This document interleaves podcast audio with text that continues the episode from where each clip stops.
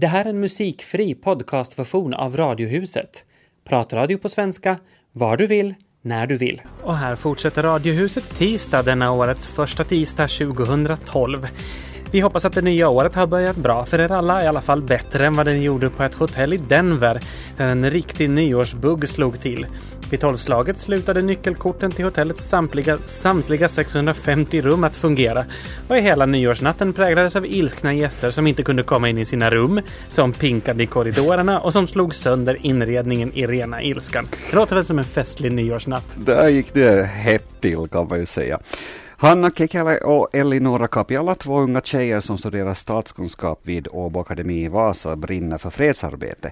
Speciellt efter en konferens i Montenegro som de hade möjlighet att vara med på nyligen. Cirka halv fem är de här. Detta och mer därtill med Peter Falund i Vasa och Tobias Larsson i Helsingfors. Välkomna med! Jag har inte eh, riktigt exakt belägg för det här, men verkar det inte ha blivit ganska vanligt att bråkiga passagerare kastas ut från flygplan nu för tiden? Förstås landar de först någonstans innan de, de kastar dem av planen men, och till all tur. Men i alla fall, Ja, alltså jag måste erkänna att jag inte är speciellt förstående för människor som tycker att flygplan eh, tusentals meter upp i luften är rätt, till, rätt mm. plats mm. och rätt valt tillfälle att liksom bära sig åt och apa runt på. Eh, jag tycker att de ska vara glada att eh, planen landar först och att de inte bara får en fallskärm och adios. Så, för det är vad jag tycker att de förtjänar. Det är bra Tobias. Nå, senast var det i alla fall i söndags, alltså i, i förrgår nyårsdagen, som ett av Tjäreborgs charterplan som var på väg från Teneriffa till Uleåborg tvingades mellanlanda på Irland. Därför då att en, en mansperson betedde sig så aggressivt att kaptenen tog det säkerligen tunga beslutet att gå ner. Jag menar det tar ju tid att genomföra den här operationen, minst ja, halvannan timme, troligen längre, får man väl nog räkna med. Och inte lär det bli billigt heller, eller vad tror du? Nej, det är absolut inte billigt. Det, det vet jag. Jag har sett någon siffra på hur mycket pengar det faktiskt kostar att vända ett flygplan eller gå ner på ett oväntat ställe. Jag menar, tänk allt besvär det ställer till med på alla inblandade flygplatser. Mm. Rent säkerhetsmässigt, jag menar start och landning är de farligaste momenten i en flygresa. Mm. Inte vill man ha fler av dem än vad som egentligen behövs. Och jag måste ju tala också för alla som är flygrädda här. Som redan tycker att det är helt helvetiskt att stiga och, och landa. Och så, så hamnar man i en sån här situation dessutom. Nej, Mm. De brukar då inte uppge vad det kostar när någon ställer till det på det här viset, men efter att jag konfererat med Finners informationsdesks folk så kom vi fram till att det blir en räkning på allt från kan bli ett par tusen till över 10 000 euro, kanske mer beroende då på omständigheterna. Informationschefen på Käreborg, Arja Posilovski, säger till tidningen Kaleva att den här mannen hade pratat finska och lite engelska och han blev då hämtad av lokal polis på Irland och bortförd i handbojor. Undras just vad han tänker när han kvicknar till från sitt eh, vilda nyårsfirande. Undrar vad han nu riktigt är, var han är och varför och vad det kommer att kosta. Du kan tänka dig när han vaknar och tänker det här att jag hade en sån konstig dröm. Mm. och så inser han att det inte var någon dröm alls. Precis. Posilovski säger vidare att det, det händer mycket sällan att man måste kasta ut passagerare från deras flygplan kanske en gång i året. Finnar sa också att, att eh, det inte var så ofta för dem det här hände. Men, men det finns ju andra researrangörer så totalt blir det ju fler gånger nog. Och eh, flygresan för det här gänget på nyårsdagen den blev nästan fyra timmar längre än planerat. En ny larmrapport från Sverige skvallrar om en uh, ganska ny grupp som ökar hos inkassoföretagen och Kronofogdemyndigheten, nämligen tjejer i åldern 18 till 25 år. Mm. De går in på nätet och shoppar loss för allt vad deras kreditkort mäktar med. Mest kläder och smink men också hälsokost och böcker och när räkningen sen landar i brevlådan så kan de inte betala. Nej, men man kan ju fråga sig varför de, de inte tycks förstå att det, det ska ju faktiskt betalas också med riktiga pengar. Jag bara undrar hur tänker de? Ja, men grupptrycket är stort sådär på nätet. Mm. Det finns en massa så här skönhetsbloggar och modebloggar och det finns en massa saker som man borde ha. Och internet gör att de här sakerna kommer väldigt nära mm. och väldigt mycket inom räckhåll. Jag menar, går du i en butik så får du inte ta med dig sakerna hem om du inte har betalat för dem. Men på nätet fungerar det ju lite annorlunda och ett vanligt beteende hos de här unga kvinnorna som drabbas är att de alla hoppar hoppas att de ska ha de där pengarna sen när det är dags att betala, vilket Mm. de ju sen väldigt sällan har. Precis. Och sen är det ju rätt lätt att göra sig lustig över de här som handlar hos, hamnar hos inkassoföretagen. Liksom dumma tjejer liksom. Fattar de väl att man inte behöver ha en sån här fånig handväska och det fattar de väl att det kommer surt efter. Ja, man skulle ju tro det. På något sätt så börjar kanske vårt kontantlösa samhälle, det, det här med att vi drar kort nu för tiden, för det mesta, att få sådana här konsekvenser. Ändå borde ju utbildade människor förstå det här med, med handling och konsekvens, eller? Ja, fast det, det, är ju så, det är så här det fungerar nu mer. Eh, Vi köper ju vår lycka på kredit. Jag menar alla uppmuntras att konsumera, skaffa mera hela tiden. Vi ska köpa bilar och hus och ta lån i banken för att skaffa oss saker som vi intalar oss att, att vi behöver. Som vi tror är jätteviktiga. Och får vi inte lån i vanliga banken så finns ju alltid sms-lån. Liksom nips naps, pengar på kontot, konsumera mera. Jo tack, det låter någonting det. Käpprätt ner i diket. Ja, och så det finns ju som bekant hela länder som baserat hela sin ekonomi på samma idéer och som betalar ut pensioner till folk som inte fyllt 50 eller som inte alls finns för den delen. Så innan man kastar den här första stenen på de här modeflickorna så kan man ju fråga sig vad som är det värsta, den värsta synden här i världen. Att vilja ha en trendig pryl lite för mycket och tappa omdömet eller att systematiskt ruinera ett helt ekonomiskt system. Så sant som det är sagt. Hanna Kekele och Elinora Kapiala, välkomna till oss på Radiohuset. Tack, Tack. så mycket. Man kan kalla er för unga fredsduvor, för tidigare i höst så gjorde ni slag i saken och deltog i en fredskonferens ordnad av FN i Montenegro. Ni har varit där tidigare också. Till vardags studerar ni båda statskunskap vid Åbo Akademi i Vasa. Hur kom det sig att ni blev intresserade av läget just på, på Balkan? No, det här eh, själva, vi fick reda på om den här konferensen genom min pappa som faktiskt har jobbat för den här organisationen men sen har vi nog jobbat själva, tagit reda på hur vi får olika stipendier och, och det här hur vi ska kunna vara med och, och efter första året så, så blev vi inbjudna personligen båda två. Nu är det tredje året vi har varit. Mm. Nå, hur har det varit där?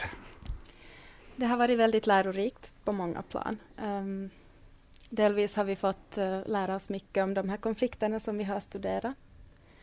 Uh, men också lärt oss om hur det här fredsarbetet fungerar i praktiken. Mm.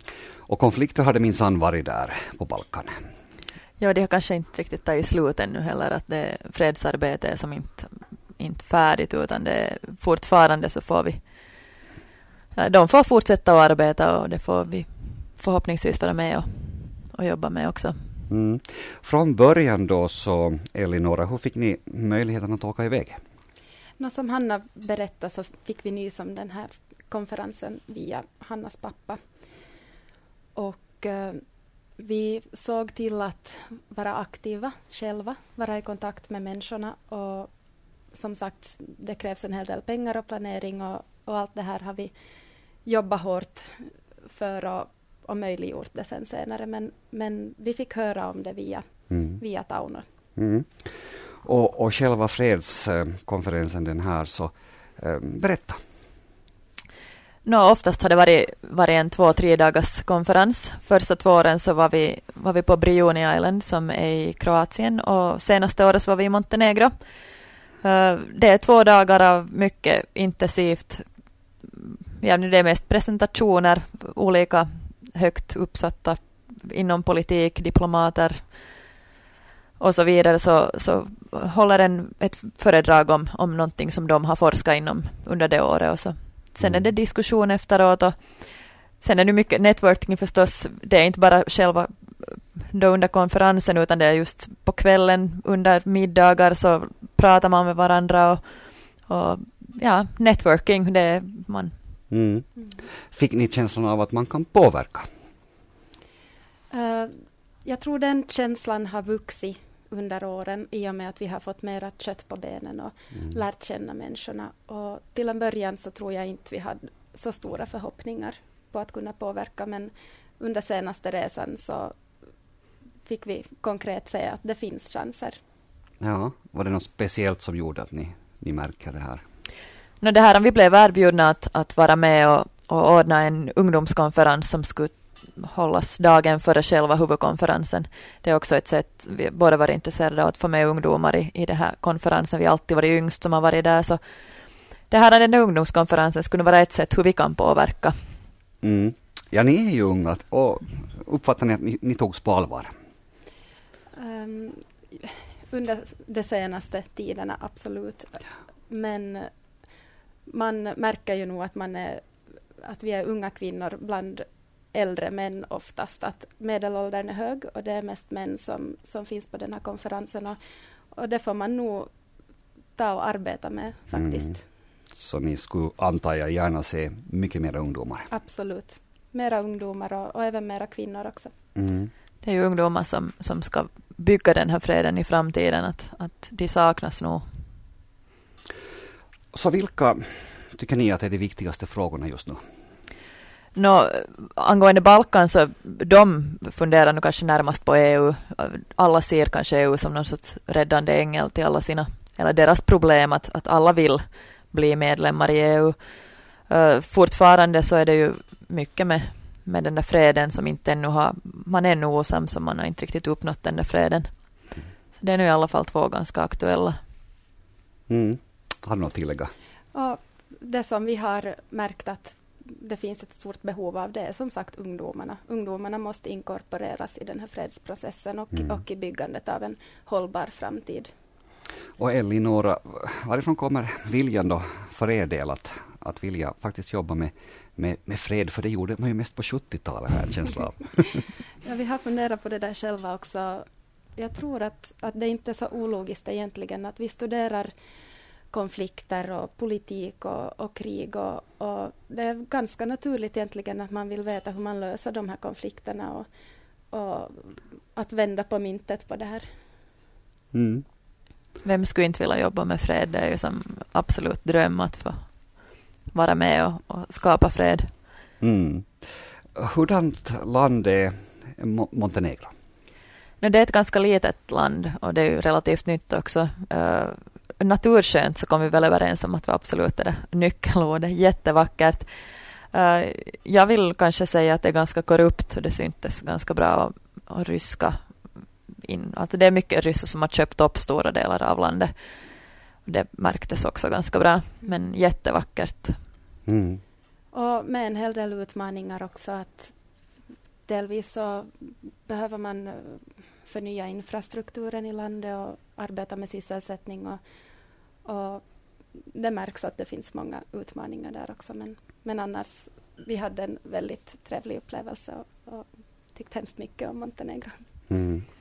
Vilken nytta av de här erfarenheterna så kommer ni, tror ni, att, att ha i era statskunskapsstudier?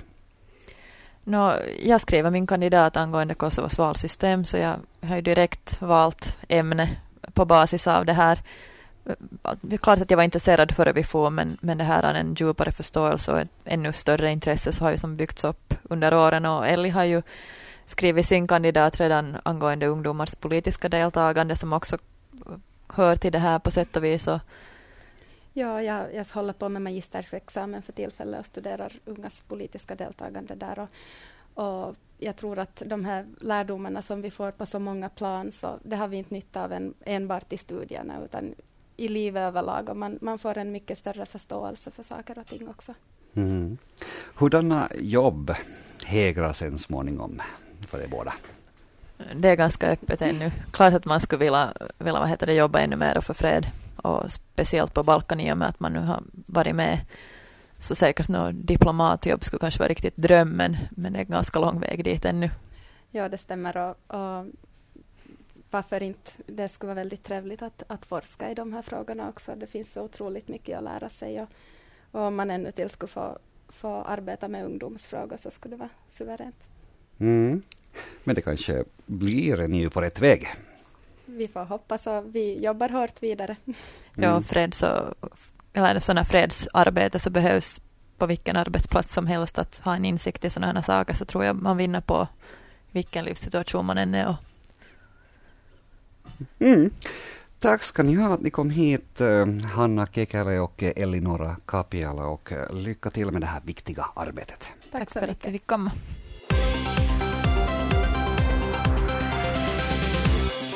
Det här var en musikfri podcastversion av Radiohuset som sänds i Radio Vega måndag till torsdag. Mer information om programmet hittar ni på svenska.yle.fi radiohuset.